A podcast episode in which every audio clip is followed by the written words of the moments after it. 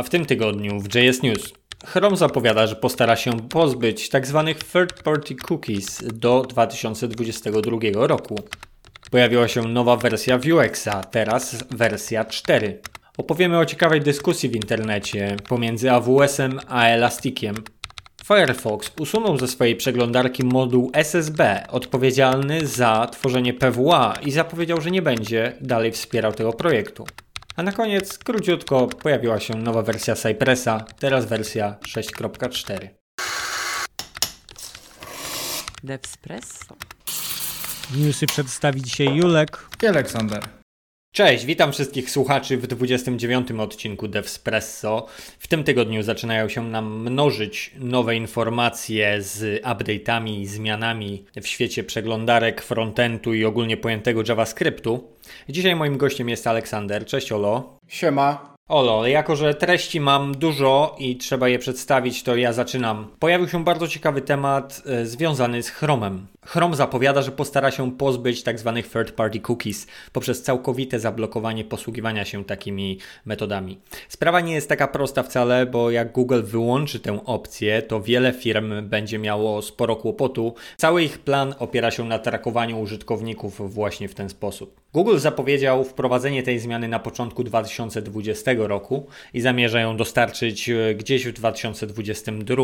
Ciekawe, ciekawe, ciekawe. No, to mm, sprawa zaczęła się już w 2017, kiedy to Safari po raz pierwszy ograniczyło tego typu ciasteczka. Chodzi o ciasteczka, które są odrobinę zbyt asertywne i pozwalają na zbyt precyzyjne trakowanie i namierzanie użytkowników. Potem Firefox wyłączył je u siebie w 2019. Rynek danych użytkownika jest ogólnie tak potężnie rozbudowany, jak się okazuje, że Firefox zadeklarował, że blokuje około 10 miliardów zbyt agresywnych ciasteczkowych trackerów dziennie. Mhm. Jacie. To duże ilości. No, a najciekawsze w tym wszystkim jest to, czym Chrome zamierza zastąpić e, obecne rozwiązanie. Oczywiste jest, że nikt nie lubi być śledzony w internecie, prawda? Ty też nie, nasi słuchacze nie. Jasne. To nie jest fajne. No, a słuchamy o bardzo negatywnych rzeczach z tym związanych. Zamysł oryginalny wydawał się bardzo przydatny i jako fajne rozwiązanie, a okazało się, że obecnie jest odrobinę zbyt, zbyt intensywnie trafiające z wynikami. No, ale w sumie śledzi nas wiele, wiele firm, wiele osób i mają różne obrazy naszej osoby. Jedni mają lepsze, inni mają gorsze. Ważne natomiast jest to, że są to osobne obrazy, konkretnie powiązane z nami i znajdujące się gdzieś na dyskach jakiejś firmy konkretnej, która nas przeanalizowała. A jeżeli Google teraz zmieni to wszystko i wprowadzi swoje trakowanie, to będzie to działało w ten sposób, że będziemy śledzeni poprzez stworzony profil opisujący grupę użytkowników. Czyli wyniki będą do nas dopasowane poprzez przyporządkowanie nas do jakiejś podobnie zachowującej się grupy użytkowników. I w ten sposób będą nam dostarczane treści, czyli nie będzie wskazania indywidualnego na nas w temacie informacji, które są zbierane, no nie? To też ciekawa sprawa, prawda? No ciekawe, ciekawe. Ale wiesz co, bardziej mi ciekawie jak będą to obchodzić, bo wiesz, że będą chcieli i tak dalej to zbierać. No na pewno będzie się dużo, dużo działo, dużo zmieniało w tej materii. Jest to dość realne zastosowanie jaja, prawda? To przyznasz.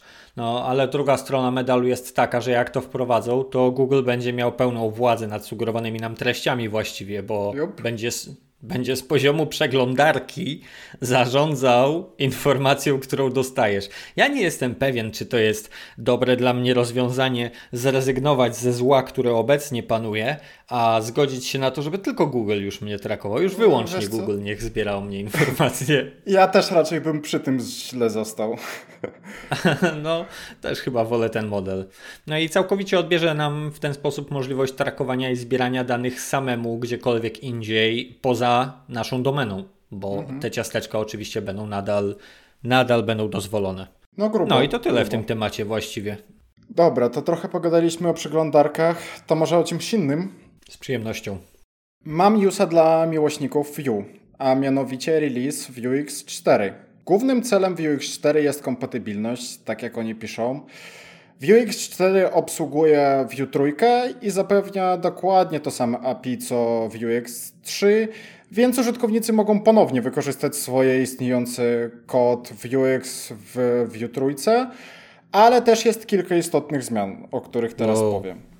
Ile razy powiedziałeś Vue i Vuex? Imponujące. Dobra, to może o tych zmianach. Proces instalacji uległ zmianie. Mm, aby utworzyć nową instalację Stora, użytkownicy są teraz zachęceni do korzystania z nowo wprowadzonej funkcji Create Store.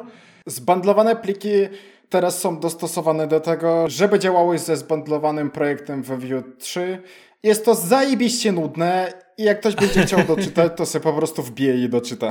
Jak ktoś używa, to będzie musiał. Dokładnie. Kolejna rzecz to typy dla komponent Custom Properties. Mhm. No i ostatnie, funkcja Create Logger teraz jest zainkludowana w core pakietach, więc uważajcie. Kapuję. Okej. Okay. To ja wracam do newsów, które należą do kategorii obszerny świat JavaScriptu. Dajesz. Nie wiem, czy słyszałeś, ale w sieci wybrzmiała bardzo ciekawa dyskusja pomiędzy firmą Elastic a AWS-em. Obiło ci się o uszy? Tak. Musimy ten temat przybliżyć teraz, bo jest naprawdę znowu starcie świata open source'a z molochem, jakim jest AWS. I tematyka nie jest nam już obca, bo dwa lata temu Mongo próbowało zrobić to samo.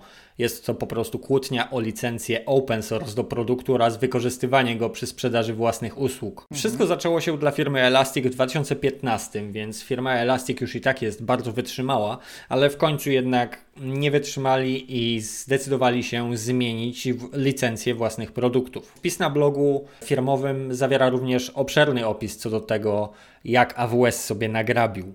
Wpis jest bardzo jednoznacznie kierowany do AWS-a i prosto w nos wymienia przewinienia chmurowego giganta, jak na przykład usuwanie watermarków z produktu. A produkty Elastic były do tej pory pod licencją Apache License 2.0, która między innymi wymaga trzymania właśnie takiego znaku, jeżeli, jeżeli twórca oprogramowania go dostarcza. Mm, ech, no nieładnie, prawda? No a lista przewinień jest niestety dużo dłuższa, jak się można domyślić.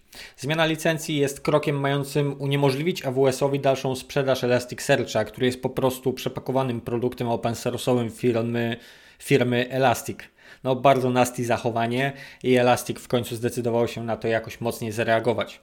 A AWS, jak to AWS, nie dyskutuje z nikim, jak nie chce z nikim dyskutować i tutaj jest dokładnie tak samo. Pomimo tego, że Elastic od dawna chciał współpracować oraz współpracuje z wszystkimi pozostałymi dostawcami rozwiązań chmurowych, to AWS i tak im podziękował odbył się od ostatniego komita, gdzie licencja była jeszcze Apache 2.0 i zapowiedział na blogu wpis, że od tej pory będzie istniał prawdziwy i wolny i open source'owy Elasticsearch, którego sami będą budować.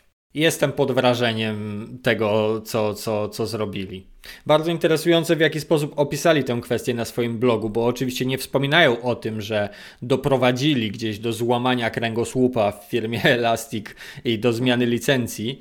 E, przedstawiają się zdecydowanie jako zbawcy, którzy zdecydowali się kontynuować budowanie tych produktów samemu i dostarczać je w formie open source dla całego community. No, kochane wielkie korporacje, kurde, no i wszystko poszło oczywiście o nieładne zagrywki AWS-a. Dokładnie z tym samym walczyło Mongo, MongoDB e, czy Confluent. No jakby co dodać, nie? No cóż, no cóż. No AWS AWS y, i Amazon no, mają takie zagrywki. To tak samo jak podrabianie mikrofali czy innych produktów, które na Amazonie się pojawiają. Słyszałeś o Słyszałem. tym? Ale cóż, stary Bezos musi być jeszcze bogatszy, no co?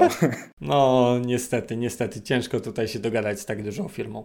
No i to tyle na ten temat. Można przeczytać wpisy tak samo na stronie Elastika, jak i na stronie AWS-a, jak i opracowania całej historii wydarzeń i dowiedzieć się, jak precyzyjnie przebiegały wszystkie wydarzenia od 2000 2015 roku, bo sprawa jest w pełni publiczna. Dziena, to może teraz ja przedstawię jeszcze jednego newsa. Będzie to krótki newsik, a raczej chciałbym, żeby to była taka trochę rozmowa. Firefox usunął SSB.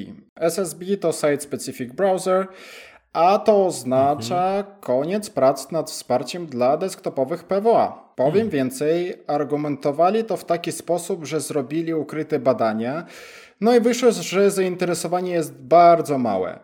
E, no i chciałbym zapytać, co sądzisz mhm, ogólnie o PWA mobilnym i desktopowym? Jest totalnie bez sensu i do niczego, ale jest to wynik tego, że wydaje mi się, że ta technologia nie została pchnięta agresywnie do przodu przez brak porozumienia między gigantami, tak? Bo wiemy, że PWA wyszło z Google'a, mhm dawno, dawno temu, ale wiemy też, że Mac w ogóle odrzucał wersję, wersję tworzenia PWA u siebie. Jup, dokładnie. I Apple też nie chciał nigdy iść w PWA mobilne. Aha. Tak, właśnie. I zawsze była jazda z iPhone'ami jakaś tak. z tym tak. PWA i to nie śmigało, a potem jeszcze kwestia innych przeglądarek i bla, bla, bla, bla, bla. I ja osobiście jaram się możliwością budowania przy pomocy technologii JavaScriptowych na desktopy, ale to jest po prostu syf. Tak.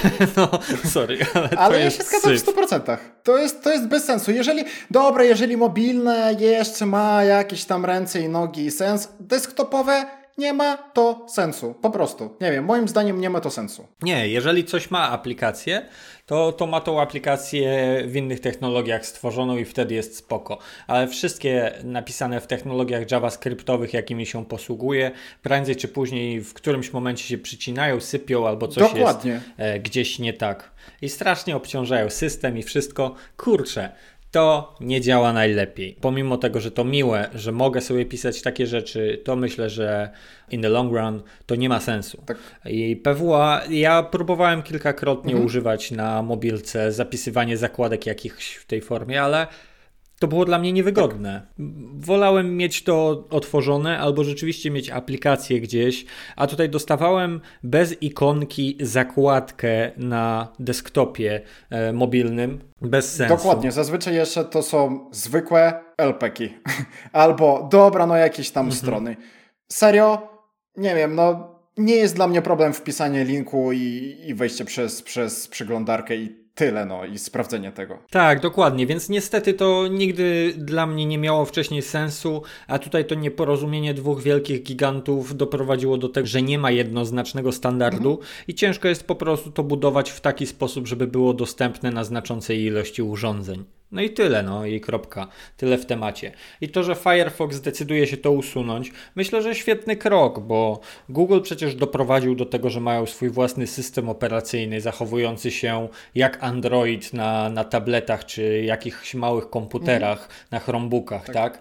I działa to bardzo poważnie i tam mają jakiś swój system aplikacji. Telefony androidowe mają aplikacje natywne, mhm które też piszemy przy pomocy różnych rzeczy. I na jakiego miałbym na desktopie zapisywać gdziekolwiek zakładkę do przeglądarki? Na... Jestem tego samego zdania. Tak, także to jest w ogólności tak. Ciekawe, ciekawe. No ja myślę, że dobrze, że odcinają rzeczy, którymi nie warto się zajmować. Dokładnie, lepiej niech, niech poprawią jakieś bugi niż, niż będą tracić czas. tak, prawda, a, a wiemy jak jest i przeglądarki zawsze mają, zawsze mają nad czym pracować. Okej, okay, e, Aleksander, ja jeszcze na koniec tylko wspomnę szybciutko, mhm. że Cypress 6.4 się pojawił. Tutaj nie ma o czym opowiadać, to jest minor, minor patch, e, nic ciekawego się nie pojawiło, ale jest bardzo dużo bugfixów, więc myślę, że warto wspomnieć, byście zrobili update i byli na bieżąco z, ze swoimi wersjami package'y w projektach. Czy coś jeszcze się wydarzyło, Aleksander, w tym tygodniu? Wiesz co, z mojej strony to chyba tyle. No to jeżeli to tyle, to dziękuję Ci bardzo, że wpadłeś. Zachęcam wszystkich słuchaczy do zasubskrybowania na YouTubie albo zapięcia się na wszystkich innych podcastowych aplikacjach. No i tyle. I do usłyszenia za tydzień, gdzie spotkacie się z Piotrem. Cześć. Dzięki za zaproszenie i pa.